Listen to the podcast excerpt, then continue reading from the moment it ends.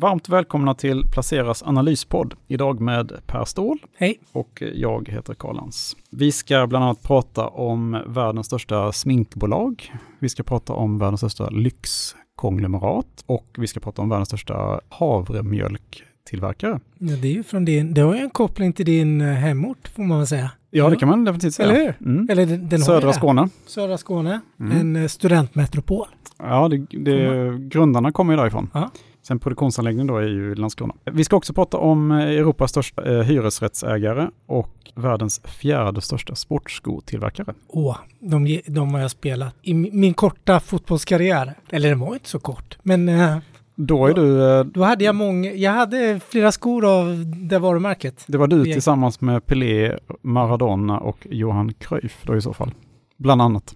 Det kändes det stort. Yes, Ja, men du har ju skrivit lite fler än...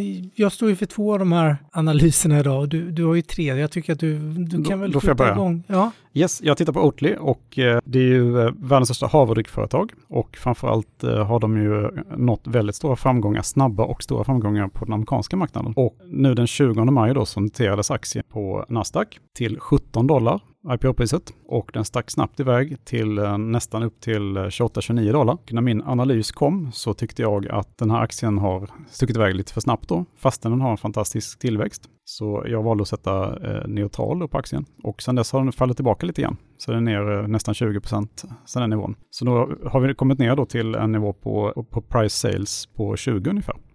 Vi var uppe på 30. Det är väl fortfarande ganska dyrt, men eh, det börjar se lite, lite intressantare ut tycker jag. När det vad sig. vill du ha ner den på för nivå? Ja, jag vill väl ha ner den till ungefär IPO-priset innan jag själv skulle, skulle köpa den i alla fall. Men det, det kommer nu säkert inte, det känns ju inte som att den kommer att, nå dit eh, med tanke på hur, hur kra- kraftig tillväxten kommer att vara. Till exempel omsättningen kommer ju då 2022 väntas den ungefär dubblas och sen ska den nästan dubblas även 2023 då. Allting då visserligen med negativa rörelsemarginaler eh, och det finns ju ingen prognos om när de kommer att göra vinst då, utan här handlar det om att snabbt ta ta marknadsandelar. Men om man ser då på hur, hur liten andel av, av världens mejeriprodukter då som idag är växtbaserade så är vi nere på någonstans 2% ungefär globalt. Så, så förstår man hur ändå stor potentialen är här. Jag tror ju väldigt mycket på, på Oatly. Med till rätt värdering då så skulle jag slå till på aktien. Dricker du själv havremjölk förresten? Mm, jag gör ju det. Jag har ju börjat med det. Mm. Och är det bra då? Ja, Ja, jag mår väl bättre, antar jag. Det är väl därför jag fortsätter att dricka det. Jag har Mm. inte tänkt så mycket på det, men jag har druckit ett år ungefär. Ja. Är det Oatly då eller är det något annat? Ja, det är lite blandat, men det är ofta Oatly, bland annat. Mm. Det är lite vad man får tag i, för i de butikerna som är nära mig, för jag vill inte bära mjölken så långt eller som det är ganska tungt, så där är det väldigt ofta slut just på Oatly-hyllan. Förvånansvärt ofta. Och det har blivit mer och mer, särskilt i år. När jag började för drygt ett år sedan att dricka, då fanns det ofta mer Oatly. Så jag tror att efterfrågan har, i alla fall den lilla helt ovetenskapliga, mina när, närbutiker då, så är det ofta ganska stor efterfrågan på det. Ja, jag är också samma. Jag tycker att ofta att det står att uh, havreprodukterna är slut och vi väntar på leveranser. Så att det, de har ju, det är ju helt klart så att efterfrågan är, är väldigt stark och det är ju uppenbarligen så att produktionen inte riktigt hänger med här. Men du är inne på någonting där också att det finns ju inga direkta vallgravar här. Vem som helst kan ju ge sig in i det och det, det kommer ju många konkurrenter nu när de märker att marknaden är så stark. Till exempel Arla kommer ju. Ja men precis, och det, det slog mig lite nu när du, för att eh, när jag började dricka för drygt ett år sedan, då var det ju, då var det i princip Oatly som var de, det enda alternativet. Och eh, nu finns det både, säkert två eller tre till. Ja, det finns de ju. som delar hyllutrymme nu, eller hyllut, hyllan har blivit, hyllutrymmet har blivit lite större då, Ja. för den här typen av eh, dryckesprodukter. Ja, så konkurrensen kommer ju definitivt att öka. Det man då kan säga med Oatly är att de är ju först. Så att eh, det man hoppas lite på här är då att det kan bli lite Coca-Cola försprång då så att säga. Det är ingen som vill dricka, det är inte så många som vill dricka Cuba-Cola kanske om man kan dricka Coca-Cola. Plus att man då även sysslar med innovation. Så att eh, det kommer hela tiden nya produkter. De har ju, ja, redan idag har de ju massa olika typer av yoghurtar och glasser och matlagningsgrädde, havrebaserade. Så att, och nästa steg kan ju då bli eventuellt eh, ost, är, väl tanken. Om beroende på hur det lyckas. Men eh, det är väldigt spännande att fortsätta följa Oatly. Och det är fantastiskt att det, det uppstod i Sverige och att det var, det var Lund, en Lundafest som hette Björn Öster som grundade bolaget 94 redan. Så det har varit en väldigt lång resa. Men eh, nu har han till slut blivit miljardär i alla fall. Han och hans bror. Ja, men grattis. Ja, Ja, men jag gillar ju det innovativa och just när akademiker kanske vågar ta steget också och ta det Ja, det är inte ofta... hela vägen Nej. från ax till limpa. Och alltså när det är egen forskning också. Jag tycker det är en fantastisk story. Jag känner ju själv eh, människor inom akademin inom kemi också som, eh, som säger i princip att ja, vi har massor med häftiga liksom, ämnen och saker som skulle kunna bli företag, men det skulle vara för mycket jobb att hålla på med det helt enkelt. Bara hålla på, då skulle man behöva jobba med det hela tiden så att säga. Ja, och det kanske man inte vill göra om man är, Om man är forskare. om man är forskare. Då vill Nej. man forska vidare. Precis. Ja, du har kikat lite på världens största sminkbolag Ja, det blev ju ett, ett tvärtkast då från, eh, från Havre. från Havre och Lund. Fast det är väl naturligt kanske? Det kanske är mycket naturligt smink idag. Ja, ja, men det är det ju. Det har ju blivit om man har slutat testa det på djur och allt det här som var sån här, Mm. en stor debatt lång, när jag var ung. Men det var det ju då. Mm. Är ju faktiskt två franska bolag som börjar på L, båda två då. Det är väl det de har gemensamt. De har mycket gemensamt. Eh, Det är L'Oreal jag har valt och det är världens största kosmetikgrupp. Är det som har varit duktiga, de har funnits väldigt länge, de har funnits i 113 år. Och det som är lite härligt med båda de här bolagen jag har, det är att eh, de har drivits av få vdar. Vdarna har suttit väldigt långt. Man gör ett vd-byte nu precis i, i L'Oreal och på de här första 113 åren så har man haft fem vd bara. Eh, vilket man inser då att varje vd har suttit väldigt, väldigt eh, länge. Man får in sin sjätte vd nu. Har de valt med omsorg eller är det så här familjeföretag? Eller vad är? Ja, det är ju familje... Det, det, även här är det ju lite vetenskap. Det är ju en fransk kemist som grundade bolaget redan 1909 som jag inte kan uttala namnet på. Men han har lite tyskklingande namn. Så eh, huvudkontoret ligger utanför Paris och eh, familjen, det är ju en väldigt rik och stor familj som äger en tredjedel. Familjen Bettencourt som är fransk från början och har kopplingar då till, grundar, till grundarfamiljen. Och de är fortfarande största ägare. Vilket jag tycker är, är, är jätteintressant då hur det här hur det har förvaltats så pass länge då, av samma familj. Ändå finns tillväxt, de är marknadsledande. Nu, det, smink och hårvårdsprodukter har ju tagit ganska mycket stryk under corona. Det är såklart att man inte kan gå ut på restaurang och se fin ut och det var svårt att klippa sig i, i många länder och kanske inte i Sverige på samma utsträckning men om man kommer utanför Sverige så har det varit då. Så man har tagit ganska mycket stryk på kort sikt. Men ändå har man lyckats ta marknadsandelar under det här tuffa året som är då. Jag tycker det är ett bra val. De har en stor, eh, de har 40-tal olika varumärken. De har en väldigt bred portfölj vilket gör att bolagsrisken är ganska låg. Och man tar marknadsandelar som sagt var eh, och jag tycker att det Vad är det man växer framförallt geografiskt? Geografiskt, mycket, mycket är det Kina. Mm. Som många, men eh, du växer på alla stora marknader faktiskt. Men Asien är ju eh, en region där man växer väldigt, väldigt mycket nu och den är, stor, den är ju över en tredjedel nu av hela den totala omsättningen då i bolaget då, och förväntas eh, fortsätta väx- växa. Och Europa är ju hårdast drabbat nu det senaste året då. Men det är för att människor inte har kunnat gå ut och då behöver man inte sminka heller så att säga. Ja, och du har inte kunnat gå och klippa det kanske i samma utsträckning. Du har inte köpt alla hårvårdsprodukter då. Som, så det är mycket relaterat till, eh, Mm. till den biten då. Visst är det så då. Men hur har aktien gått då under den här perioden? Under pandemin har den... Ja, men aktien har gått bra. Den har Mm. gått bra. Det är väldigt, bo, estimaten bland analytikerna är, är, ser väldigt bra ut närmaste åren. De gjorde man ju ett omsättningstapp då i fjol då. Jämfört med 2019, men man är ju tillbaka redan i år då, spår man med en, en omsättningstillväxt då som kommer fortsätta även nästa år då, och vinsten ökar. Eh, ändå bättre än omsättningen då, så marginalexpansion ser vi också. Spännande bolag. De som gillar utdelningar, de delar ju faktiskt ut eh, lite och haft en bra utdelningstillväxt faktiskt, vilket är jättespännande. Då. Eh, man äger även, man har 9% i det här franska läkemedelsbolaget Sanofi. Man sålde en division till dem eh, för ganska många, några decennier sedan och då fick man ägande i Sanofi och den ger ett väldigt bra tillskott eh, utdelningsmässigt. Så det är en bra, en bra grundplåt får man väl säga då. De är väl duktiga på vacciner normalt sett, Sanofi tror jag, får säga framöver. Så är det. Du, eh, hur, är det, hur står de sig mot konkurrenter som Estée Lauder till exempel? Ja, men står det, den här är ju, de är marknadsledande, det är extremt välskött, det är väl diversifierat och man har varit duktiga med de förvärven man gör och man eh, har en väldigt, man har en, en god kassa och en låg skuldsättning då. Som, eh, det, är- ja, det är lite låg risk eh, med bra tillväxt, tycker jag, Mm, och mm. extremt välskött. Något för den långa portföljen. Definitivt för den långa portföljen och eh, det finns strukturell tillväxt. Folk eh, köper mer och mer hårvård, smink och den typen av produkter. Kanske även hos män. Ja, definitivt. Det är helt klart. Vi har skägg båda två. Det finns även produkter för det som gör det skönare att ha skägg. Ja, vad härligt. Eh, Jag har ju kikat på Europas största hyresvärd som är eh, Vonovia.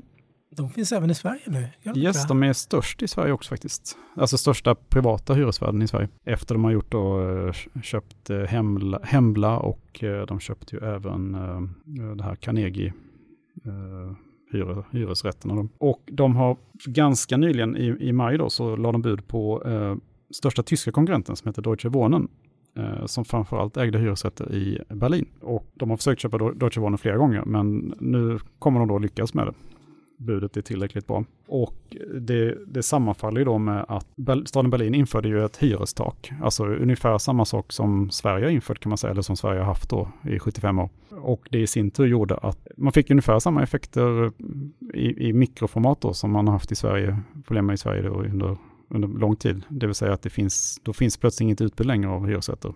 Eh, för att priset är så lågt så att om man har en hyresrätt så vill man inte släppa på den. Men nu förbjöd då tyska konstitutionsdomstolen eh, staden Berlin från att ha det här taket och direkt då så slog eh, Vonovia till med köpet av Deutsche Wohnen. Och efter köpet då kommer de ha ungefär 550 000 lägenheter i Tyskland, Österrike och Sverige. Och Sverige då kommer stå för ungefär drygt, drygt 10 procent av det här. Men det är intressant, eh, lite intressant med, eh, med Vonovia är hur ägandet ser ut. Det är då norska staten som är största ägare med nästan 8% av aktierna. Och de har ju, eh, eh Deutsche, eh, eller eh, Bonovias ordförande har ju då sagt i intervjuer att ägarna, det vill säga största ägarna, norska staten då, de har sagt till honom att ni ska driva bolaget med på minst, när ni gör beslut ska det vara minst gälla i 30 år. Liksom. Så att eh, han kan vara så oerhört långsiktig när han eh, gör köp. Vilket gör att han kan betala ganska mycket då när han eh, gör nya förvärv. Och de vill också verka på marknader som är då lite dysfunktionella, som den svenska bostadsmarknaden till exempel. För här vet man att man hela tiden kan höja hyrorna med en viss procentsats. Mm, man tvärtom gynnas då av det här systemet. Eh, och lite samma i Tyskland, att man, man höjer med några procent varje år och sen kan du renovera då och höja hyrorna ännu kraftigare. Har man några expansionsplaner ytterligare? Det finns det nya länder som är lika dysfunktionella som den svenska och tyska, eller hur? Jag vet faktiskt inte om det är andra länder de tittar på, eh, förutom man är ju Österrike då också. Men, eh, men man har ju specifikt valt de här marknaderna då just för att, Med lite Nordeuropa som är bas. ja precis. Mm. Och man är, man är ju inte, själva driver man inte då fri hyressättning, så som eh, man då har blivit problem med i Sverige här då med politiskt. Nej, så jag vet faktiskt inte om, om det är andra länder som, som finns i kikan också. Men eh, gissningsvis finns det väl det. Mm. Men vad gillar du med bolag? För det, ju, det här är ju extremt, du, du pratar ju om att det är långsiktigt, en huvudägaren ser gärna att det är långsiktiga investeringar. Du pratar 30 år och så. Det är stabil investering. Ja, alltså, här, Alla behöver ju bo. ja, precis. Och du har ju då, och de verkar på marknaden och det är sån enorm brist på, på hyresrätter då. Och de är liksom skyddade politiskt, att de kan hela tiden eh, höja hyrorna Ehm, några procent varje år. Så att jag skulle säga att om man ska liksom tänka på vad, vad säkra aktier är, så är det här då en, en väldigt säker aktie. Ingenting är 100% säkert, men, men det här är en förhållandevis väldigt säker aktie. Det är klart att det, man kan också se det som att det finns en politisk risk i den här aktien. Om man då skulle få någon stora av, om, avregleringar eller av olika skäl. Så det finns ju viss, en viss politisk risk finns det absolut i den. Men, men eh, i övrigt så är, ser jag ingen större risk i den faktiskt. Utan att det, det är något man kan ha lite istället för att ha pengar på ett bankkonto. Liksom. Det är en väldigt långsiktig investering låter det. Exakt, det är ju ingenting Det för de som vill ha snabba Den klipp. där är ju faktiskt något för mig. Känns Ja. det som. Ja, man kan ju ha sin, man kan väl se det lite som att eh, fonder brukar ju säga att man har kassan i någonting. Och lite så kan man väl se det själv, att man skulle kunna ha sin kassa placerad i Vonovia till exempel. Och det är också en högutdelaraktie då. Ligger väl, direktavkastningen ligger väl någonstans en bit över 3% Så det är ju ganska bra idag. Ja, verkligen. Jag kikade på vilka aktier som eh, kommer öka vinsten mest på S&P 500 2022. Och det som slog mig där var att i princip är det ju reseaktierna som eh, kommer ta tillbaka det de förlorade under pandemin och kanske ytterligare lite till. Ja, de har ju varit utbombade mer eller mindre. Totalt utbombade. Jag tänker på, du har ju kikat på världens största lyxkonglomerat. De lär väl också gynnas av ökat resande, eller? Ja, och det måste jag ju faktiskt kommentera, precis det du säger. Det gäller ju även L'Oreal. Det är en stor, det, det säljs betydande del på flygplatser och kring resande. Det är väl då du köper din parfym också, din här parfym kan jag tänka mig, när du nog gör dina inköp. Under resor är det i alla fall, definitivt. Ja, under resor ja. och med resor. Så det, visst är det så att det här, jag skulle säga att det gynnar både LVM och eh, L'Oreal det här när vi nu kan börja resa och framförallt är det en stor del av den, den här lyxkonsumtionen av lyxvaror som sker i Europa sker ju av utländska turister som har skatte, skatterabatt eller ska, eh, tax-free som sker. Så det, det, är en betydande del och det är det som finns en bra potential då. Jag gillar ju LVM och du vet du, vi har pratat om det hur många år som helst. Nu är den med bland de rekommenderade aktierna igen. Ja, den borde ha varit där hela tiden kanske? Ja, den borde ha varit där. Det, den, det är klart, den, man var livrädd här i mars i fjol och då tog den mycket stryk. Det gjorde den, men sen har den faktiskt eh, kommit tillbaka starkt. Inte lika starkt som många kanske cykliska bolag, cykliska värdebolag då. Men det är ett intressant bolag och det, du får lite av allt för det, det är tillväxt, det är strukturell tillväxt när det gäller lyxkonsumtion. För andelen människor som har mycket pengar Eh, växer snabbare än den globala tillväxten och eh, särskilt borta Asien och även i Europa så händer det mycket med, eh, och folk är benägna att köpa lite mer lyxvaror med, med tanke då kanske på att det är hantverksproduktion i mycket när det är läderväskor och sånt och det är, du köper för att ha det under väldigt många år. Det finns även en second hand-marknad. Den är väl fantastiskt bra. De är, det, det, är väl till och med så att man har serienummer allting och skyddade serienummer. Ja, allt, allt, mm. allt, allt, är skyddat och det finns en stor second hand-marknad som växer mer och mer. Som även den håller på att digitaliseras nu. Det, man hör att det är många aktörer som är inne där för att göra en en second hand-marknad som eh, jag har hört ska växa snabbare än den underliggande marknaden. Då. Så det finns ju väldigt mycket bra intressant kring det här. Men det finns strukturell tillväxt eh, och det är även lite värdebolag, välskötta bolag, eh, det är kvalitetsbolag. Så det, jag tycker LVMH har många komponenter och lite som L'Oreal, en stark huvudägare, en ägarfamilj som fortfarande är med. Det är världens rikaste man nu va? Han har blivit oh, världens no. rikaste man, för bolaget har ju gått, LVM har ju gått bra. De, de, det är ju lite gammaldags bolag i den strukturen, men de lämnar ju hel och halvårssiffrorna är ju uttömmande, eller vad man ska säga. Det, det är fulla, fulla rapporter, medan man släpper någon så här försäljningssiffror under Q1 och Q3. Så man, man har fått en Q1-siffra på försäljningen. Då, som så var... som H&M gjorde tidigare för mig. Ja, det kan det nog vara. Mm. Och, eh, men eh, även försäljningen imponerar. Den var upp 32 procent year on year, då, men då är ju Q1 i fjol mm, till viss del påverkad. Inte hela Q1, men eh, kanske halva Q1. Beror på hur man ser det.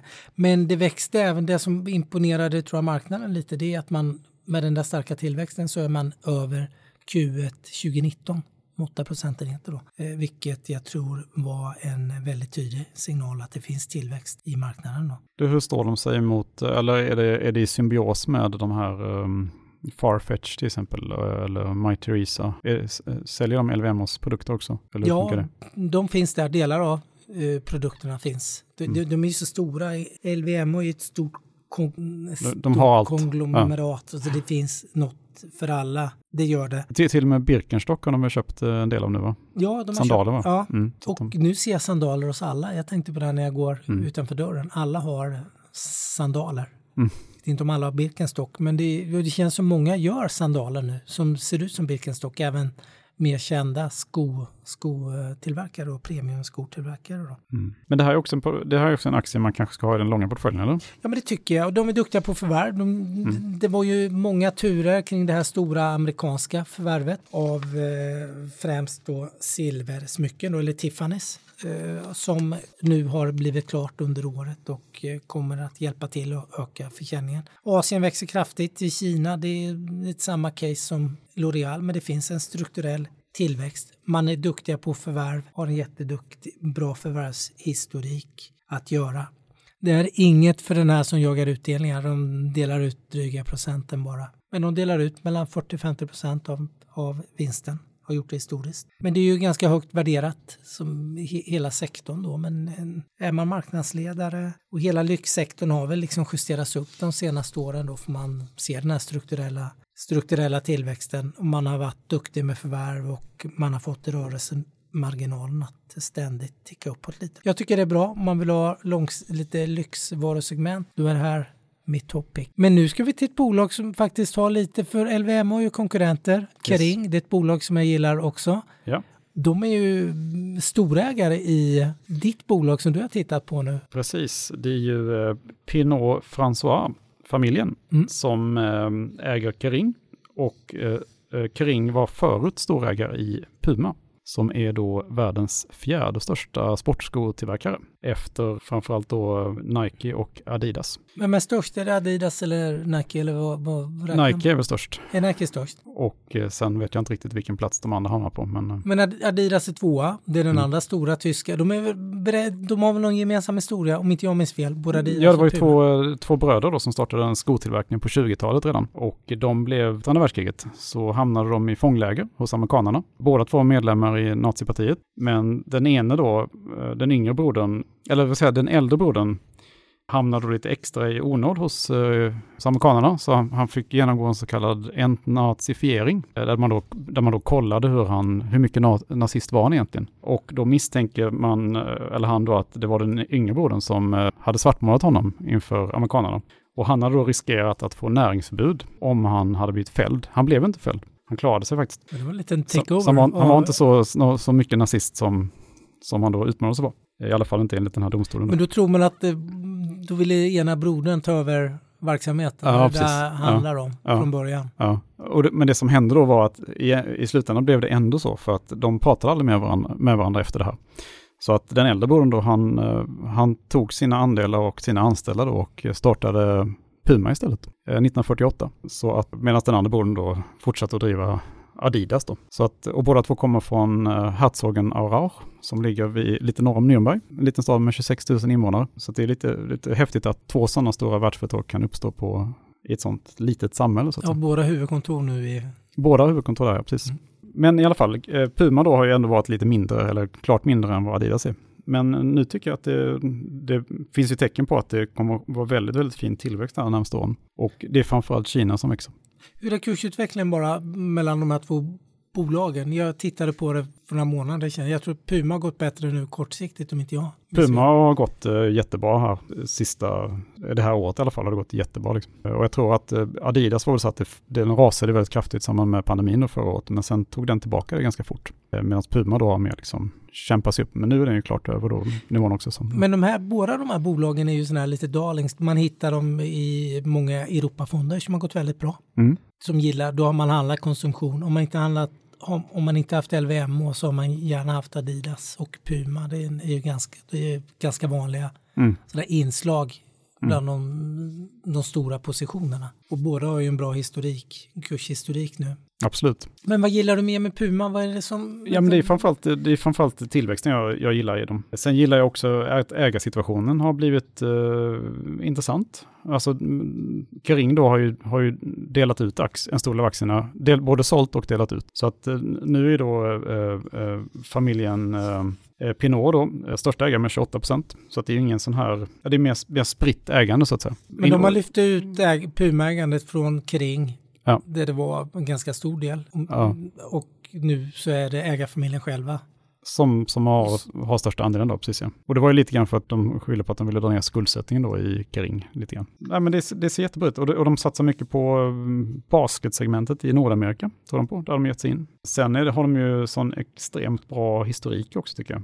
Att eh, till exempel då så har ju um, både Pelé, Maradona och Johan Cruyff har ju spelat med Puma-skor till exempel. Och, och jag då, Per Ståhl, får ja, inte inom, inom fotboll, precis. Per Ståhl också, kanske det allra största. Och um, jag menar inom, inom sprint så har de ju Linford Christie och Usain Bolt till exempel. Och... Tennis ska vi, har de ju Williams. Ja, precis. Williams har de ju tennis, ja. Och de är stora inom Formel 1, som jag gillar, som jag tittade på igår. Där är man väldigt stora. Ja. Då har man både kontrakt med de stora stallen som Mercedes mm. och Ferrari. Där man levererar. Jag tror att det handlar om utrustning. Alltså det är ju det sponsrar man men att man gör skor som de sitter och racear i och så vidare. Racingskon? Mm. Mm. Som Nej, en utvikning bara. Men mm. det, mm. man ser dem väldigt mycket tycker jag. Men jag tror att de kommer ha några väldigt bra år här framöver i alla fall. I alla fall säger prognoserna när det gäller omsättningen det. Men det är strukturell tillväxt här också. Det är jag strukturell på tillväxt, precis. Folk sportar ju mer och mer, det ser jag i våran ålder eller min ålder och din Precis. ålder. Och det är ju mer och mer aktivitet och nu när vi var ju spela paddel här för några veckor sedan och där har det ju exploderat hela paddel. Och det är såklart att Puma levererar paddelskor som alla andra och även Adidas och många andra. Men det har blivit en ny, det är ju en ny marknad bara de, nu har inte jag följt paddel så det är jättelänge men det är ju inte en jättegammal sport. Inte, i, inte här, nej. Nej, upp i Norden och det är en enorm tillväxt och man vill köpa skor som passar Mm. att spela paddel och så. Så det Mm. är klart att det kommer ju ständigt. Men du är, säkert, du är inne på något där att det är säkert fri, den här trenden att man vill röra på sig är ju, är ju strukturell. Kommer ju att, driva deras tillväxt framöver. Ja, jag tror man, man vill är beredd att betala för bra utrustning, bra skor och bra sportkläder och sånt då som är funktionella. Ja, definitivt. Så eh, köp på Puma i alla fall, säger vi. Mm. Och så eh, är det väl dags att runda av kanske. Ja, Den här utgåvan av Analyspodden, Placeras Analyspodd. det blev franskt och eh, tyskt. Det är väldigt mycket franskt och tyst. Förutom. Oatly då, som var svenskt. Mm, Mm. Det var kul. Från Lund till och med också. Det är väl en bra avslutning. Mm. Tack, Tack, och hej. tack så mycket.